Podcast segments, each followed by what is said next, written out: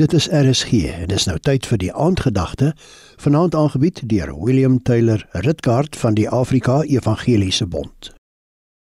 Die graf is 'n prediker, sou mens sê. Hy sê dinge wat 'n mens nie wil hoor nie, nê.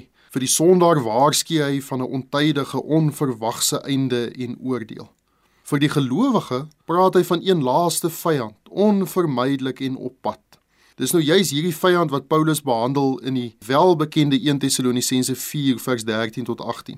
Vers 13 sê: "Maar broeders, ek wil nie hê dat julle onkundig moet wees met betrekking tot die ontslapenis nie, sodat julle nie treur soos die ander wat geen hoop het nie."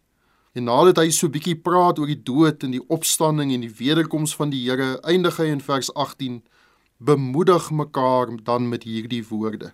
Die graf het mos nog 'n boodskap. Terwyl die dood seker is, koop die tyd uit. Vir die gelowige het hierdie ou wêreldse wandel en arbeid ewige gevolge.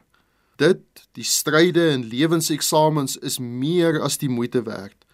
Ek wil vandag vir u sê, die graf sê vir ons dat die einde van hierdie lewe nie die einde van alles is nie.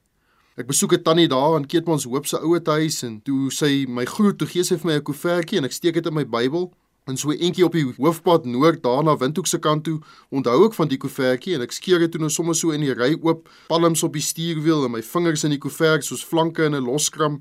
Binne was net 'n kaartjie. En bo op hierdie kaartjie drie woorde geskryf: Staan dan vas. Ag, my liewe luisteraar, die oë het mos nie wipers nie. Skielik moes ek mooi korrel om te ry. Dit was die teere bemoediging van 'n ou gelowige aan 'n jong gelowige. Staan dan vas my boetie.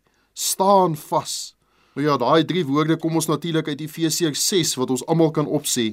En vers 10 van daai Efesiërs 6 sê immers aan ons harte: "Eindelik my broeders, word kragtig in die Here en in die krag van sy sterkte. Bemoedig mekaar, skep moed, staan vas, word kragtig in die Here." Na my ouma se kus daar in die rooibruin grond van Boksburg se begrafplaas gesak het, is ek deur die dominee gevra om 'n gebed te bid. En ek kon die Here dank vir die dag dat sy geloofsekerheid gekry het daar op 'n hospitaalbed baie jare van tevore.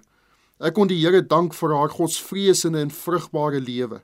Ek kon die Here dank vir haar gebedslewe wat God so wonderlik gebruik het. En ek het die Here gedank dat ook daai groot ou dennebome aan die ooste kant gaan die son van geregtigheid verseker opgaan en gaan sy net soos die wat in die lewe agtergebly het ons Here Jesus sien soos hy is. My gebed en hart was 'n teere haleluja.